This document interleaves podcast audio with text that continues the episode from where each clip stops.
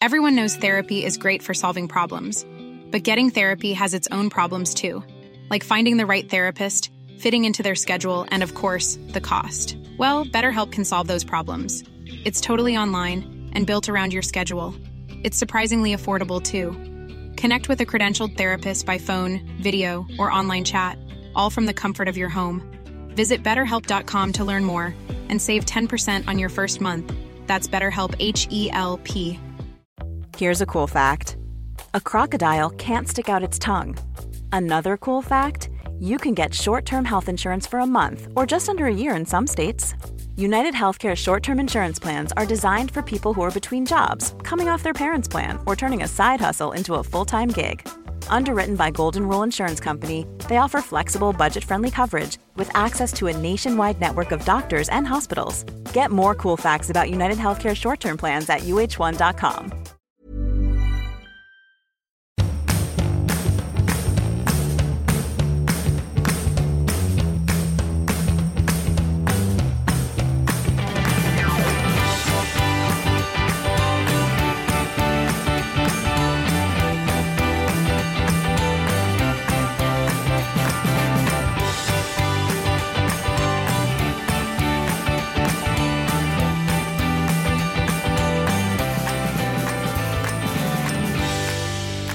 Hej och välkomna till liksom en jävla bubblande podd av Lille Lördag. Det är så mycket jag vill prata om. Ja, det är så mycket i oss. det är så mycket. Det är våren, det är sommaren, Det det är är, vår. kärleken, det är livet, det är döden. Det är, ja, det är mycket nu. Alltså, är det någonting i luften? Du vet, jag har lite så här häxkompisar. Och eh, Vad då menar du förutom pollen som jag är akut drabbad av? jag trodde du skulle mena förutom jag. Trodde du skulle säga. Nej, men att det är mycket liksom energier där ute. Mm, men det stämmer nog. det, liksom, det känns som att det är lite som hästen, hästarna, häxorna från Eastwick. Det flyger liksom energier och det är gott och ont. Och Du är det är, säker på att det inte är pollen? ja, det kan vara pollen. Det kan vara pullen. pollen. Nej men eh, ja, jag vet inte. Jag är så här, Är du häxig? ja det är mycket nu. Det är Aha. mycket i mig nu. Mm, häxan från Täby. Jag bara kioskvältaren, Camilla Läckberg, akta dig. Exakt. Ja, nej, jag vet men jag tror det hänger ihop med att det blev en chockvärme. Det var ju alltså på Ja. fullaste allvar. För en månad sedan på Gärdet så fanns det eh, långfärdsslingor för eh, långfärdsåkning, skidor. Du skämtar. Nej, de hade ju liksom fryst upp en viss bana där. Liksom. Så att det låg ju kvar snö för en månad sedan. Och sen kommer man tillbaka från Maldiverna och det är liksom, man kommer rätt in i sommaren. Vi fick liksom en, vi fick en liksom, eh, vad heter det, ett VIP-pass till sommaren. Vi bara gick förbi kön. Vi sket i våren och bara checkade in i sommaren direkt. Jag vet. Så det, det blir något fel i hela så här, eh, det, det, vad heter det, något. i DNA, i naturens DNA. Min storebror far bor ju hemma hos oss nu och han berättade att när han fyllde 50, han är 74 nu, eh, Du var en sån kall maj så att det var en dag under hela maj som det var fint väder och det var då när han hade sin mottagning liksom. Men det jag känner är så här, jag älskar ju maj månad. Jag älskar ju den där känslan när man tänkte så här, det ska alltid vara november. Och så bara så här börjar det spricka och så kanske man är borta någon vecka eller några dagar som ni var på Maldiverna. Och så kommer man tillbaka och så är det så här, gud den där Täbynäs allé. Den var så här brun, nu är den grön. Det finns någonting magiskt i det. Så här, man kan inte låta bli att älska livet. Så tycker jag. Nej, nej, men verkligen inte. Och det är ju inte svårt att gilla sommaren. Det har vi redan konstaterat i podden innan. Men eh, det blir lite extra härligt och läskigt när det kommer så tidigt. För då tänker man så här, Tar det slut? tar det slut? För vi är, såna, vi är så otroligt eh, svältfödda i Norden på sol. Så då tänker vi hela tiden att det finns ett slut. Så då går vi runt och är lite deppiga för att det är bra väder. Men jag ser också på min frasse, han är ett och ett halvt. Han är så lycklig över den här värmen. Så han, är så här, han får ungefär fem frispel per dag där vi bara står och tittar på honom. Och även så här, fröknarna på förskolan är så här, nej men han är så tokig nu. Han bara går omkring och så här, skriker och är så här cowboy-vårskrik. Ra, ra! Alltså minut efter minut. Alla bara står och tittar på honom och så liksom tar han i och så springer han och så går han som en cowboy. Och så, alltså, så här, som riktiga Ronja-lyckoskrik fast som pågår i minuter. Ja, framför frukostbordet slutar det så okej Frasse, vi, vi, du är lycklig, du är lycklig liksom. Och han bara så kastar sig, han, han vet inte vad han ska göra av sina känslor. Nej, Så jävla fint så ju. jävla fint. Ja. Hur känner du själv? Ja, men jag känner att eh, mina känslor bara, är du kåt? under kontroll. Nej men eh, jag vet inte, jag tycker bara, jag är, så här, jag, jag är väldigt uppåt. Joel sa till mig i, eh, i lördags, vi var ute, hans syrra var på besök. Och jag hade sån jävla feeling liksom innan man gick på sponken. Så jag var så här, varför ska jag ens behöva dricka för? Jag mår så bra. Sen gjorde du ändå det. Så jag gjorde ändå det. Nej men, eh, nej, men alltså att man liksom känner att man är så uppfylld av någonting. Mm. Man inte riktigt behöver ett yttre attribut för att uppnå någonting. Ja men jag fattar. Men eh, jag håller med. Och det, jag känner bara att de, vi har hyrt hus av, eh, ett hus av våra kompisar som åkte då till Bali under hela maj månad för att säga, ja men du vet, vänta in sommaren. Jag bara känner så här, att bo i det där huset, det är perfekt. Jag har kommit på hur man skulle ha det. Vadå? Kom Eh, hela maj månad hyr man ett hus. Mm. Sen är det lite mysigt. Sen kan man vara i sin lägenhet typ halva ehm, juni och då är det lite fester och hit och dit. Så här. Då är det skönt att vara inne i stan. Och sen åker man till sommarställe och sen bor man i lägenhet. Det vore den bästa världar. För just maj tycker jag är oerhört härligt inne i stan. Det är som att man sitter så som en fånge och tittar ut så här. Åh, där är det där ute. Men man kanske skulle börja nyttja parkerna lite mer. Så här. Eller så flyttar man till Gärdet där jag bor. Där man har liksom en park precis runt knuten. Jo jag fattar men alla som var på Bobos kalas igår som bor i stan är ju så här, ja men det är nice. Folk kommer vid ett-tiden, alla är kvar, man grillar korv, man käkar liksom, och sen så barnen bara leker helt själva. De är nakna på studsmattan, det är dinosaurier, de är där och hit och dit. De märks ju inte. Nej. Jag menar inte att de inte ska märkas men det blir liksom organiskt. Och så är det några som stannar kvar, så lagar man lite middag, pappa är där, alla barnen. Det är så här easy living ändå. Det är ju nice med hus. Svin-nice. Knock on wood. Ja, jag är ju bara, jag vet inte, jag har liksom bytt eh, stadsdel. Jag spenderar mer och mer tid på Lidingö. Jag vet inte varför. Med vem? Nej men alltså jag älskar Lidingö. Jag, alltså, det är uppenbart att jag kommer behöva flytta dit. Kan, Men jag älskar också Lidingö, Ja. förutom mössen. Förutom mössen. Nej men så jag har varit liksom ute och badat där nu hela helgen och eh, ja, och så var jag ute och käkade på hund, 450 gradi. Du vet den här superpizzerian. Jaha, hur var de då? Nej men så bra. Så bra. Herregud. Tramsbra. Jag, jag, landade i en sån extrem paltkoma efteråt så att jag så här, satt bara och stirrade rakt fram. Håglöst. Joel fortsatte prata och jag bara... Men var det igår, apati. eller? Ja det var igår. Just kärlek, eh, så tänkte jag fråga. Jag fick ett eh, så Insta en Insta-fråga i morse där det stod så här. Hej Ann, så här, jag vet inte, hur ska man veta om man ska fria och så här, hur ska man veta om det är rätt om man är så tillräckligt kär för att gifta sig? Jag bara, eh, fel människa att fråga kanske. Det, jag tycker ändå att det är en relevant Det är fråga. en superrelevant fråga. det handlar väl också om att vissa gifter sig bara för att de vill och ska. Tror jag. Mm. Men, men det där är också så himla spännande med liksom mänskliga psyket. Att man kan ju intala sig själv eller få sig själv att tro att man är så kär i någon bara för att man vill ha någonting lull runt. Barn, bröllop, eh, kärlek, icke-ensamhet. Så jag, jag tycker inte att det är helt lätt att liksom sortera de där känslorna alltid. Det är lättare efteråt. Man bara, gud, jag gjorde det där för att min mamma gick bort precis. Då behövde jag någon. Det finns ju alltid nästan ett behov som kan och man vill fylla liksom. Okej, mm, jag förstår precis.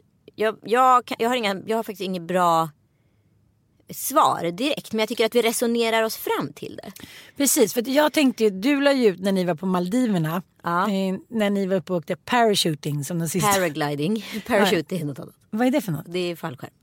Ja, men det var ja, paragliding. Ni var de sista 80-talisterna. Och,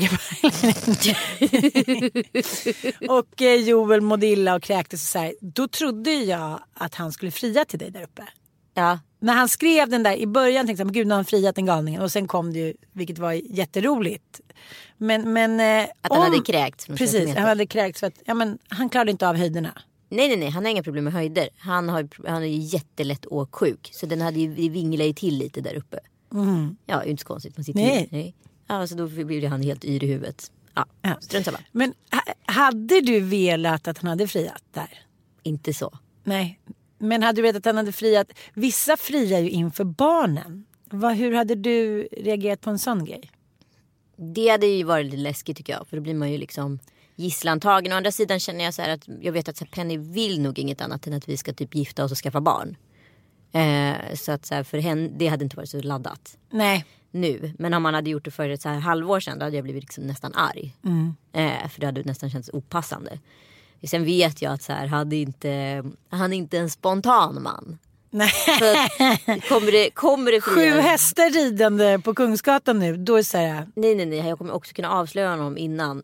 Eh, för att han är så otroligt eh, neurotisk när det kommer till sådana där grejer. Det, det är en stor, do, stor diskussion faktiskt i och med att han då inte är pappa till mina barn. till Eh, mitt barn i magen. Nej men han är inte pappa till mina barn. Nej. Men nästa vecka, eller nu på söndag så är det ju mors dag. Och då undrar jag ju, frå, frågan är ju så här, ska han fira mig eller inte? Det var den löjligaste frågan jag någonsin hört. Det är klart att han ska fira dig. Du är världens bästa mamma tycker han. Och då firar ni ju. Ja, men det kom vi också fram till. Men det Ah. var ju en diskussion innan för han hade ju inte tänkt. Nähä? Nej, för han, egentligen är det hans mamma som ska firas. Han är fortfarande en son. Jo tack. Jo tack.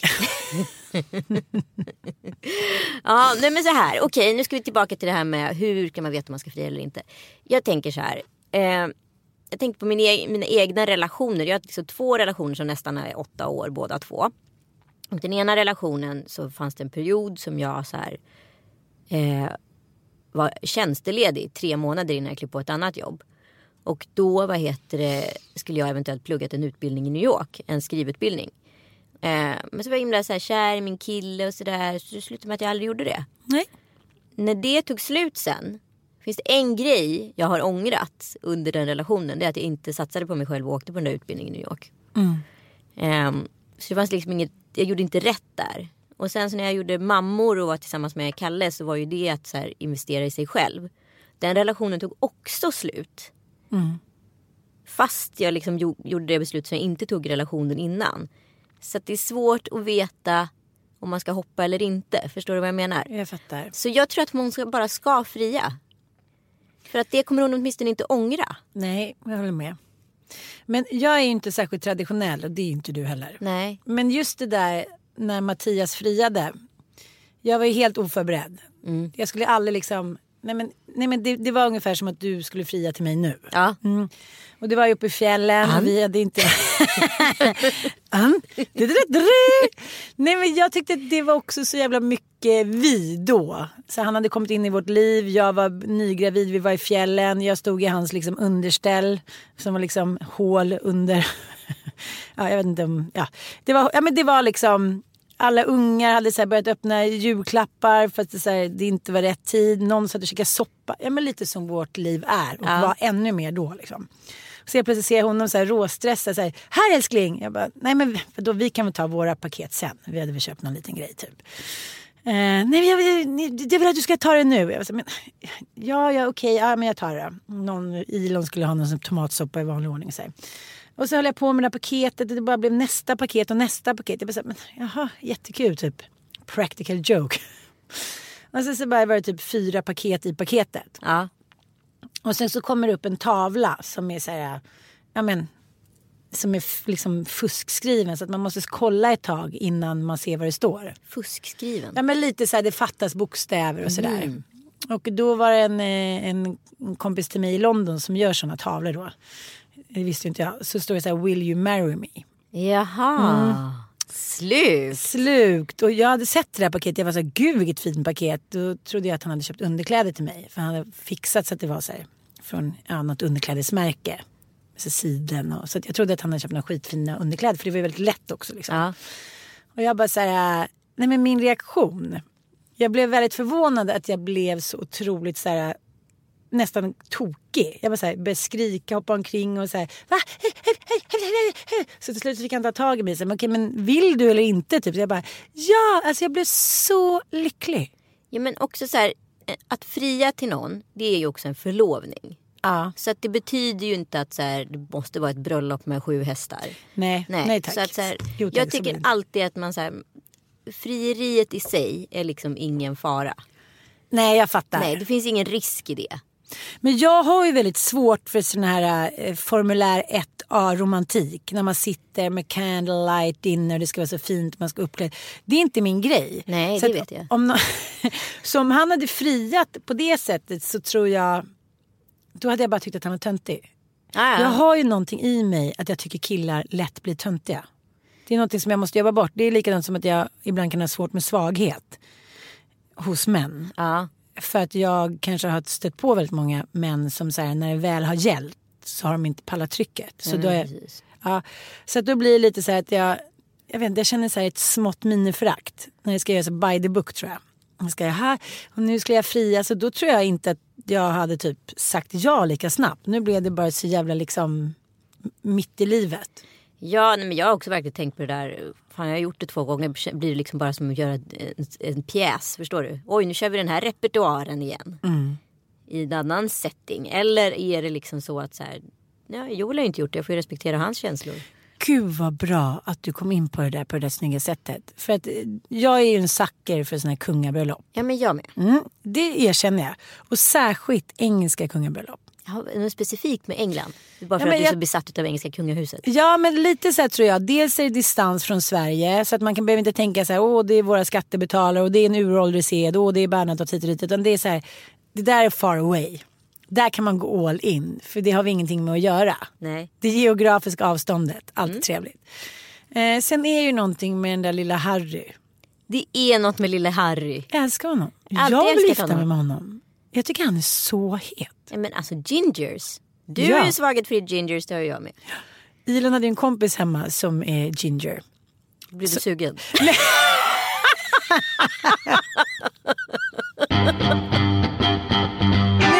Kom upp på morgonen, jag hade aldrig träffat honom. Jag bara, du vet, man hör att de umgås hit och dit. Så pratar man med hans mamma, han skulle sova över. Jag var på tjejmiddag lördag, vilket vi återkommer till. Eh, och så på morgonen så kom han upp och så såg han precis ut som Harry. Jag, Nej, här, men gud vad Nej men roligt. gud, Harry är här typ. Han bara, mm, jättekul. Eh, nej men just att det finns något så jävla likeable. Nu, nu, nu blir det så här, eh, nu blir det färgrasistiskt, det är inte sånt jag menar. Men så här, rödhåriga människor är ju spännande. Det finns någonting i dem. De har liksom livet i sig på ett annat sätt. Tyck, alltså, Nej, men det, fin- det ska tydligen finnas, påstås det, det är väldigt omdiskuterad teori där, att det, det finns ett lite, lite, lite mikroskopiskt närmre släktskap mellan neander och rödhåriga. För att neandertalarna var rödhåriga och var röda i sig liksom. Och de har ju ett större känsloliv, det var de som begravde sina döda och manifesterade det och så vidare. Eh, de var de första som sörjde. Ja, det var de alltså. första som sörjde men det var också de som var konstnärliga. Alla grottmålningar neander. Alltså, så det är ju någonting i ginger som är spännande. Som vi kanske icke, icke-neanders eh, inte har. Men jag tycker också det finns ju en bild, ja den bilden som vi har nu på dagens podd. Där Diana sitter med en så här liten pillemarisk Harry, vad kan han vara, tre år typ, Ja. fyra. Och sen en lite då vacker storbror William. Och den där bilden tycker jag så här, jag börjar nästan lipa när jag ser den där bilden. Den, den säger så mycket om så här moderskapet och den tryggheten man finner hos sin mamma även fast man lever i en, kanske en väldigt privilegierad men jävligt utsatt miljö. De var ju liksom världens mest kända människor. Ja. Ja, men deras mamma, det finns ju ingen sån ikon. Nej. Det blir nästan löjligt att hon gick bort. För att hon hade inte behövt göra det. Hon var ändå en ikon. Hon var ändå en myt. Liksom, hon hade väl i alla fall kunnat få leva, så känner jag. Eh, och då sitter man där och så säger han det. Du kan tänka dig själv att vara så liten som jag var. Få stå där framför kistan och stå och ta farväl inför hela världen. Det är helt vedervärdigt. Det skulle aldrig ha hänt idag. Hoppas jag, tack gode gud. Och även liksom John John när Kennedy sköt så här, står här, tre, två, tre år gammal och så här humör. Det är vidrigt tycker jag. Men eh, att han sa så här, men då stängde jag av mina känslor liksom, fram till jag typ var så här, 30. Eh, och jag förstår ju det där. Nu var jag ju äldre när min mamma gick bort. Men det är det där när man är inne i sitt liv så mycket och tänker att man är odödlig och inte har börjat tänka på döden så dör den man älskar allra mest. Då måste man stänga av. Jag tror inte att, liksom, hur ska man annars bearbeta det? Nej men det finns, det finns nog inte så många liksom, förhållningssätt till det. Antingen så här går det under eller så går det över. Så är det ju bara. Men jag bara kände så här. äh, Nej men han bara, dels tycker jag att han är snygg. dels så han så här, du vet det där leendet som man bara säger, ja ja vi, vi hittar väl på något. Han verkar vara så rolig att vara med. Men han har ju alltid varit den crazy brorsan och såklart får ju han vara den crazy brorsan eftersom han inte ska bli regenten. Men samtidigt har man ju sett liksom, det är precis som Madeleine. Alltså det är alltid en som är lite spralligare än de andra i, i barnaskaran. Och sticker ut och liksom är lite rebellisk och sådär. Och det har ju Harry varit i det här fallet. Liksom. Och sen så blir det också något otroligt spännande för att män och kvinnor som lever under så otroligt strikta förhållanden. De väljer alltid en cray, lite mer knasig, galen wildcard partner. För att de vågar. Ja, men för att de också så här, tror att de är så trötta på det där formulär 1A upplevelsen hela tiden. Eh, där alla känslor är förväntade, där allting förväntas. Som de måste göra något knasigt för att liksom överleva och stå ut. Men jag, jag kollade på, jag, jag, alltså jag är sån sucker för sånt där. Jag satt och kollade på alla förintervjuer från BBC och all brittisk press och så kollade på hela bröllopet. Och hur romantisk dejt gjorde han inte med henne? Men jag vet. Nej, men de- berätta, berätta. Ja, men de träffades ju då genom en gemensam vän till de båda, en kvinna. Som hade sagt till henne. Så här, "Ah, ja, allt jag säger är you're gonna go on a date with a prince. Ja, så roligt. Så roligt. Och sen så bjöd han ner henne till, liksom, hon filmade Suits då, den här tv-serien. Eh, och han bjöd ner henne till Botswana. Så de bodde i Botswana i ett tält under så här, typ bar stjärnhimmel i så en vecka. Och bara got to know each other. Jag kan också get to know each other. Jag vill också åka och bo i tält med en prins under börja- i Botswana. to got to know each other. Igår- Svårt att falla liksom. Jättesvårt. Det är ungefär som hon säger Heather Miller. Hon som eh, gifte sig med Paul McCartney, som bara så här, beskriver i sin Heather bok. Mills. Heather Mills. Som bara skriver att hon, de, han har bjudit henne till Indien och hon ska komma in till i deras liksom, träyacht typ. Och eh, där sitter det så här en typ liten symfoniorkester och hela båten är fylld med rosor. Ja. Mm. De skulle ha en liten dejt typ. Ja, men, så här, men, you had me at the flower. Alltså, så, mer krävs ju inte. Nej, nej, nej. nej. Jag fick en liten pik av Mattias igår. Jaha. För jag tänkte så här, om jag ska dit till Botswana så kanske jag måste raka benen. Mm. alltså, så han sa, ja men eh, ska vi se om det finns någon lövbiff sa jag, för vi hade gäster kvar. Mm. Annars har vi skäggbiff sa han. Var det en pik? Garanterat.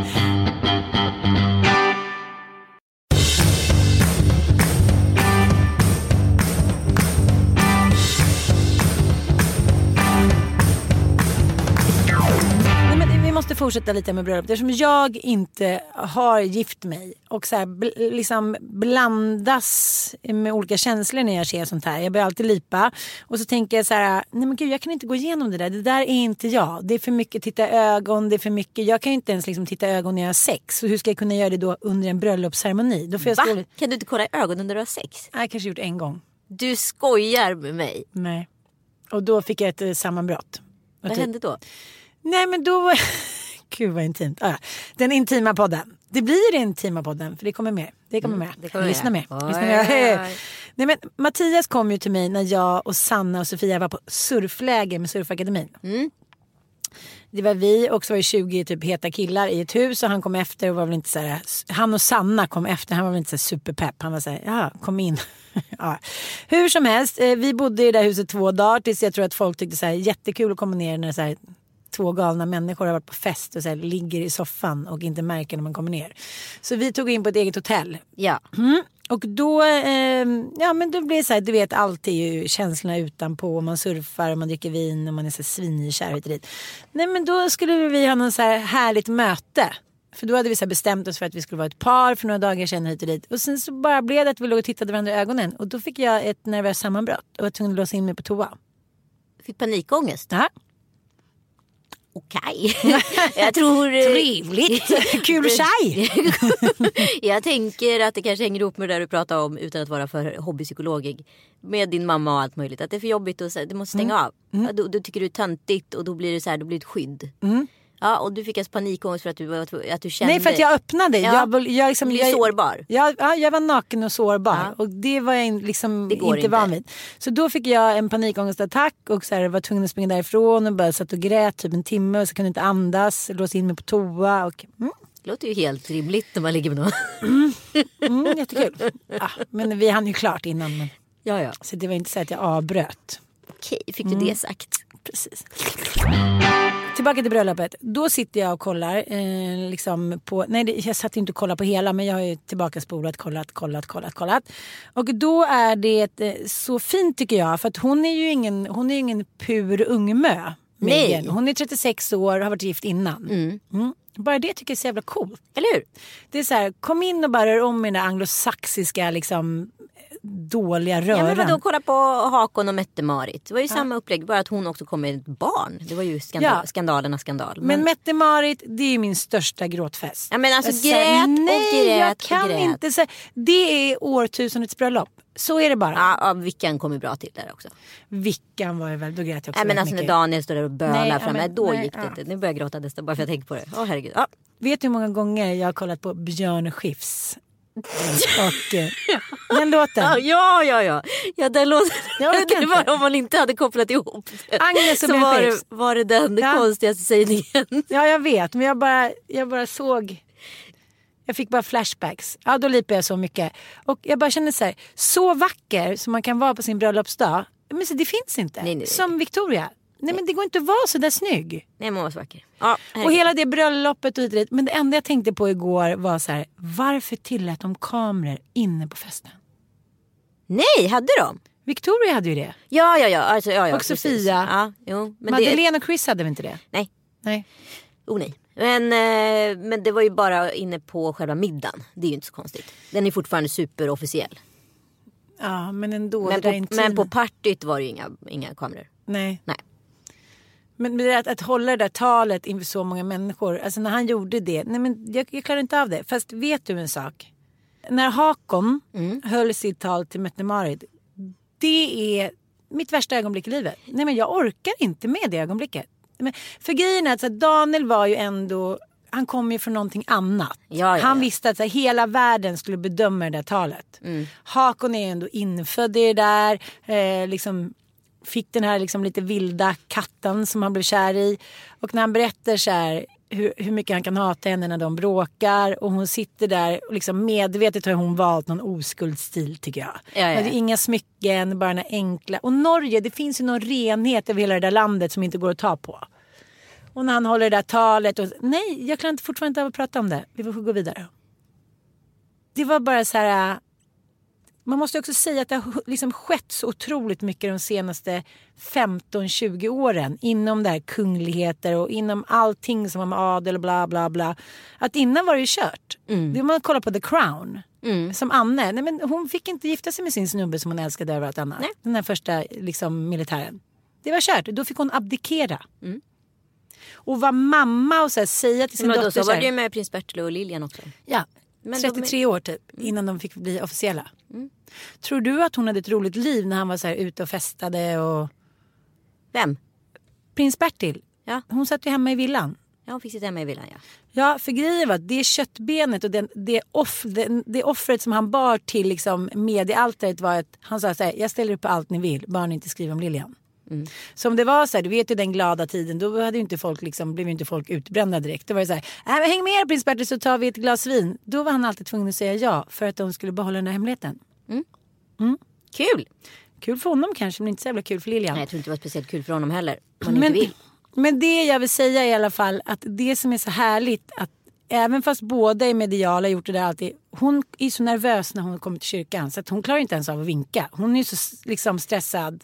Mega. Ja. Ja, ja, men alltså, det var flera gånger jag också tänkte på det i, eh, när hon satt i vagnen i kortegen Ja. efteråt. Att hon så här, det var som att hon inte förstod att det var På riktigt. Nej men det var som att hon inte förstod att alla människor stod där och tittade på henne. Mm. Hon var liksom en del av alla de som stod på sidan. Ja. Hon var inte det, hon förstod inte att Hon hon själv. stod där nere. Ja. Och just det där att när de kom ut så de blev så tafatt. De var så här, som ett ungt par som, när de skulle kyssa varandra. Och det, var liksom, det är rörande. Det händer någonting när man gifter sig. Förutom med prinsessan Victoria. Vadå? Men hur cool var hon när hon kom ut? Hon var liksom a queen. Ja, men hon var the queen. Alltså hon är den coolaste bruden jag någonsin har sett. Ja. Nej men hon, ja, men alltså.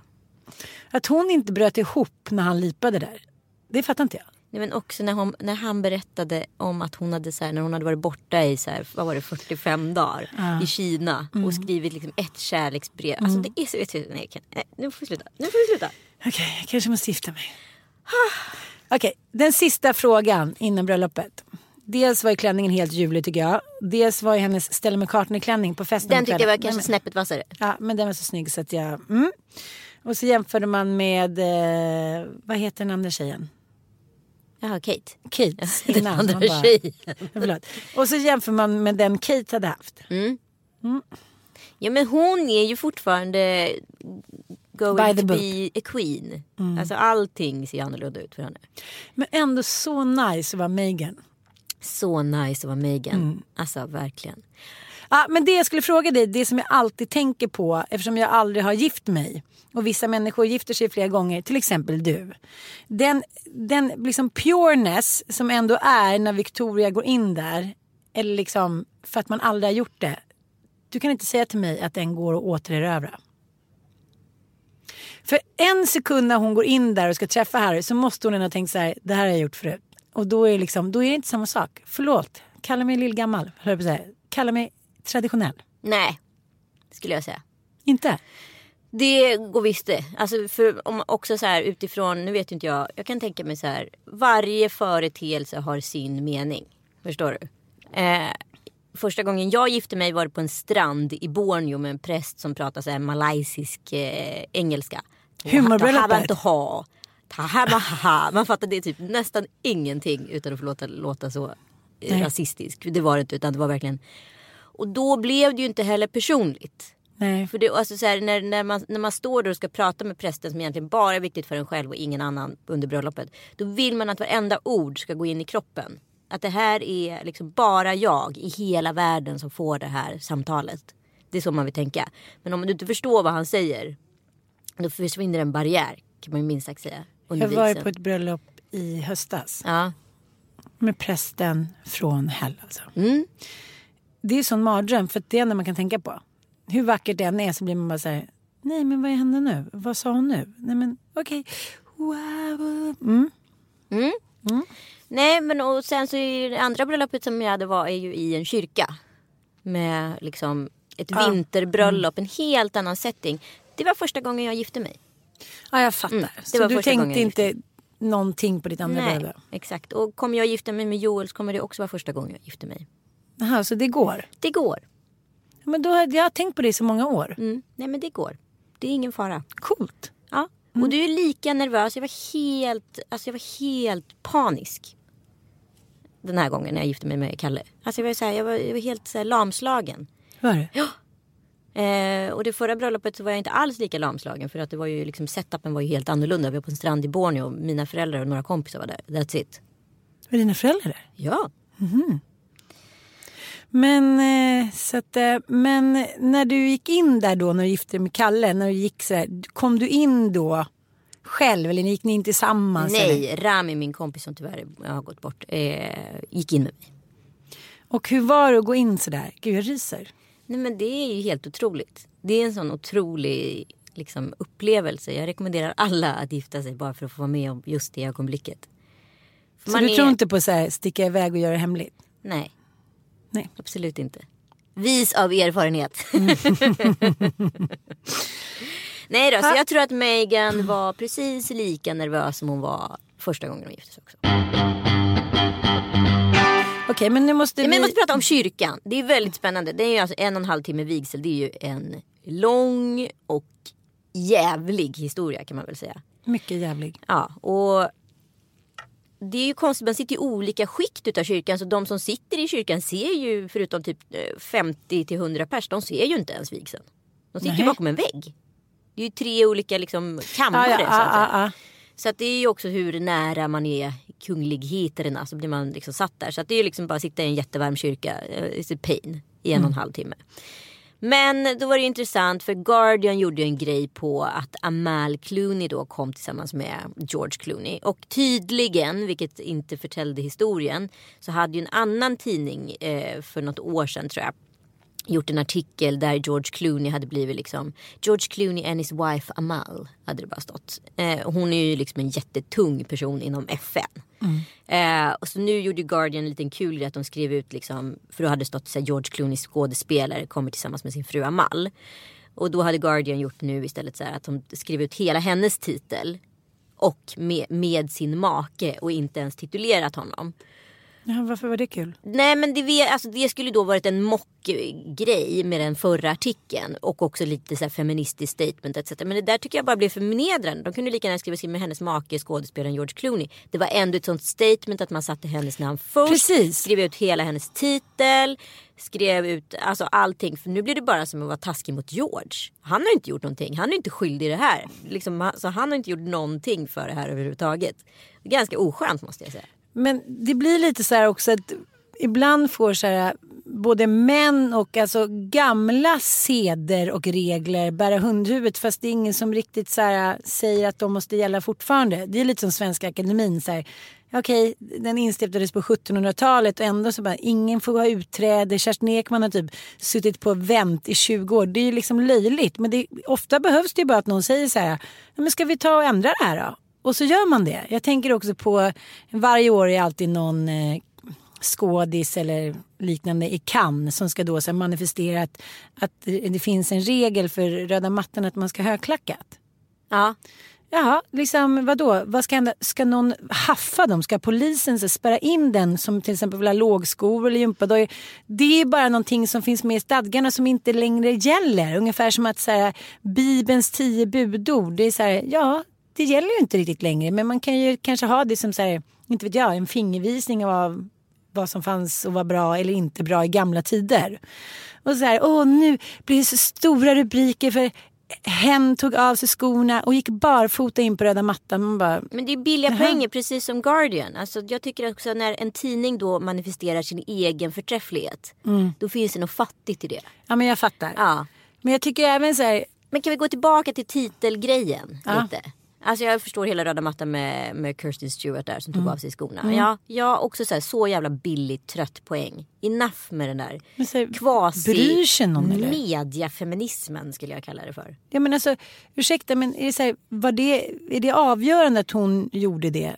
Vilket någon har gjort för tid. Alltså varför blir det en sån grej? Ah, ja. Ja, skitsamma. Nej. Ja, nej men jag bara tycker så här, gör någonting på riktigt då. Ta inte av ett par högklackade skor och så här, mm, and now it's up to you guys to change the world. Mm. Alltså, eller så bara gör det själv, whatever. Jag säger att det finns en känd man som är väldigt på mig. Mm. Eh, som så här har börjat med att uppvakta mig liksom först på så här Instagram genom att skriva så här när jag lägger upp mina Insta-stories att kommentera bilder och roliga grejer till och sen så vässa tonen till att det börjar bli liksom först är det bara rolig ha ha ha kul hihihi och man kan svara på det så man luras in i något form av samtal för att sen så liksom då har man tydligen verifierat för den personen att eh, börja kommentera ens kropp. Oj, sexig, het. Då går det inte att svara längre. ja, gör han det? Oj, sexighet. Fan vad du är vacker. Åh, wow. För att sen bli kompis med honom på Facebook. Jag tog mig ungefär två veckor innan jag så här godkände den requesten. Och det var väldigt så här medvetet att inte göra det. Det första som händer när jag godkänt requesten är att han börjar vinka. på, vad heter det, på, ja. på Messenger. Ja. Och då blockar jag honom. Jaha. För det är så här, Är det E-Type? Nej, nej, nej. nej. Men, men då, då blir det lite så här. Nu har du gått över alla gränser. Alltså så här, du kan inte visa mer intresse i mig och jag kan inte visa dig liksom hit är du välkommen men inte hela vägen. Och fortsätta då ändå. För mig är det så märkligt och jag tycker också att det är så jävla skandalöst. Nu har det hänt en gång till att så här, en snubbe som så här, vet att jag lever i lycklig relation. Det är ingen som så här, inte vet att jag är happy med Joel. B- Fortsätter liksom stöta på en på, via liksom sociala medier. Jag tycker det är så jävla risigt. Jag tycker det är så jävla risigt med brudar som gör det mot killar och så vidare.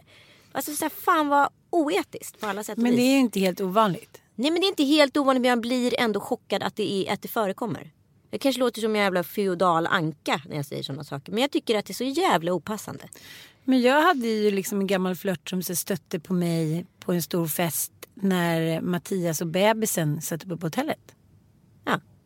Och då men, men, det här är oftast män med lite makt. Ja men det finns också en så här gränslöshet och jag undrar om det så här, är det bekräftelse för dem i det? Eller var, var ligger kicken? Var är det? Är det erövringen? Är det bekräftelsen? Är det möjligheten? Eller är det liksom bara för att så här, kolla vad jag kan? Jag vet inte, för man vill ju alltid hitta så här the background explanation på alla män och kvinnor som fuckar ur eller gör såna här grejer. Även på sig själv. Men här, jaha, man kanske hade en uppväxt där det var si och så. Det kanske var hittan och dittan. Men på vissa eh, finns det ju ingen förklaring. Det är så här, bra uppväxt. Eh, eh, men allting är på pappret så här, you could be a good person. Och så håller de ändå på så här. Och då måste det ändå vara att så här, mycket vill ha mer. Ja, att de är också- så här narcissister. Ja, men och, ja, precis. För också när jag har varit jävligt tydlig med att säga hej du, jag är inte intresserad. Och om du håller på att kommentera min kropp att jag är sexig, då kommer jag aldrig svara på det. Fattar inte du det? Och jag är inte intresserad. Och om du vill bli kompis med mig, då får du fan vara, liksom hålla dig på mattan. För jag har inte svarat på de där inläggen överhuvudtaget när han kommenterar min kropp. Och så vidare.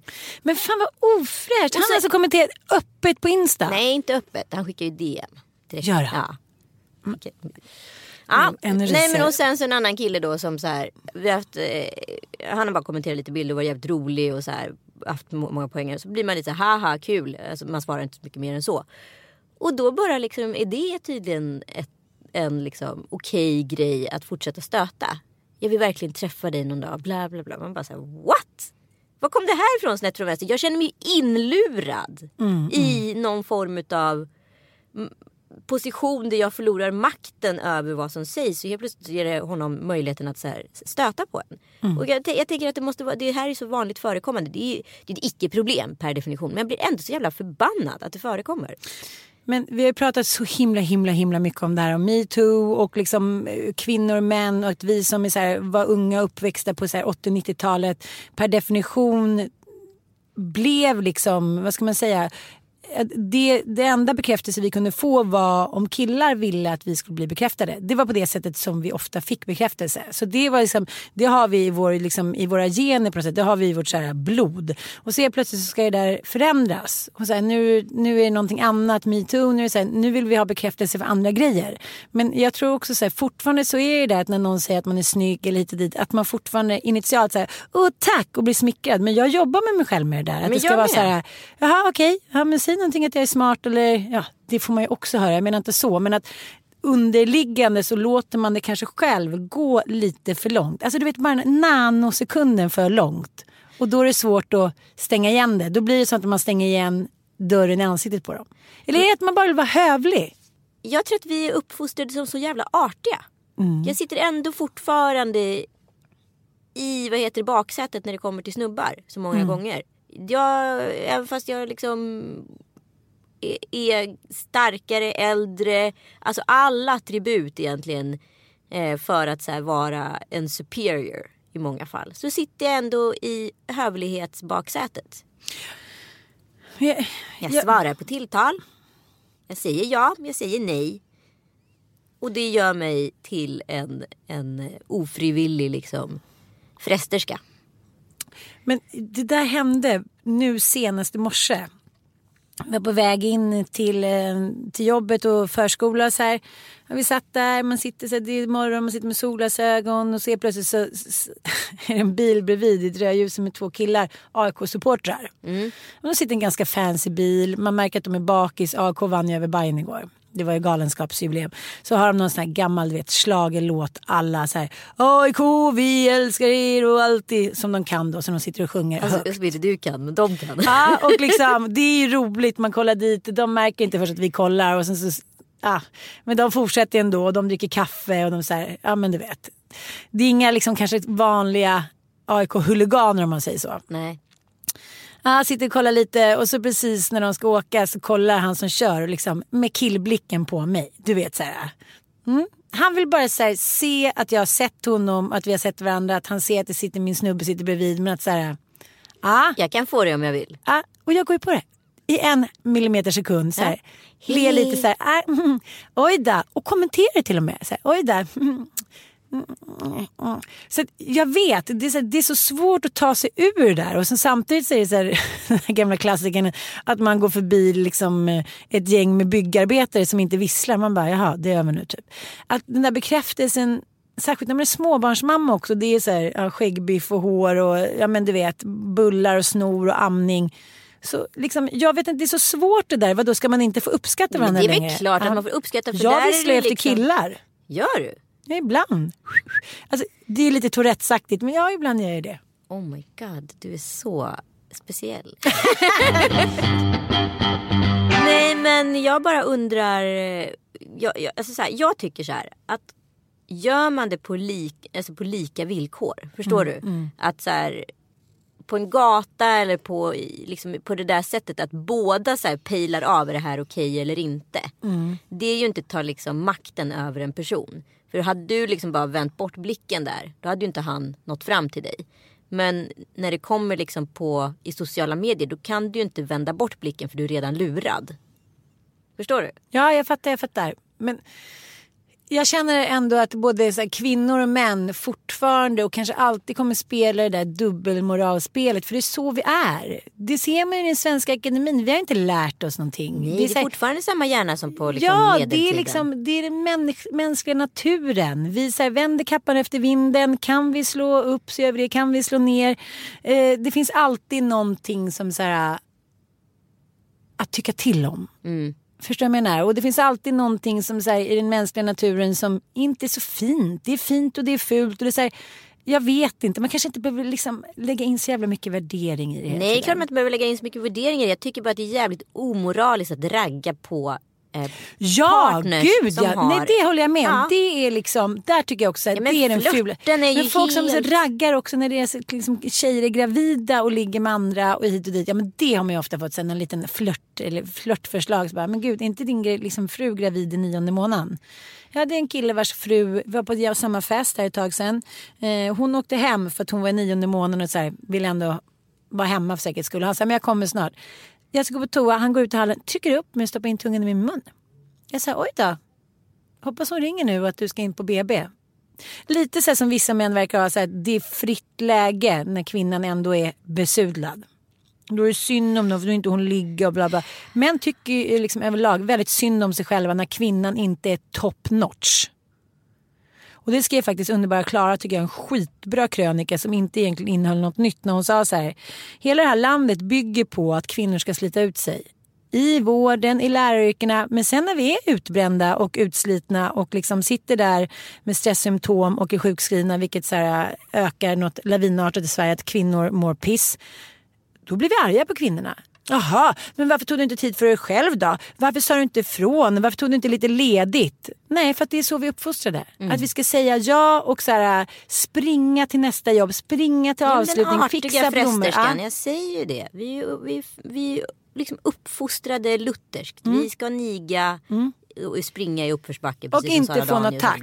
Ja, och det tänkte jag på i, igår då när vi tillsammans har hållit på hela helgen och fixat inför Bobos kalas. Allt skulle vara hemgjort och det var, liksom, eh, ska, det var mat till alla hit och dit. Och eh, Mattias kanske har gjort liksom lite mer vad, vad han brukar när det gäller just här, baka och sådär. Och jag vet inte hur många gånger han har sagt till mig. Vad bra det gick igår. Vad fint det blev. Visst gick det bra igår. Vad lång tid det tog. Jag är så här, men så här, liksom, säg något nytt så här. Det här pågår hela tiden. Förstår du lite vad jag menar? Vet du vad jag vill tänka på just nu? Nej. Att jag gärna skulle vara Meghan Markles. Jag med.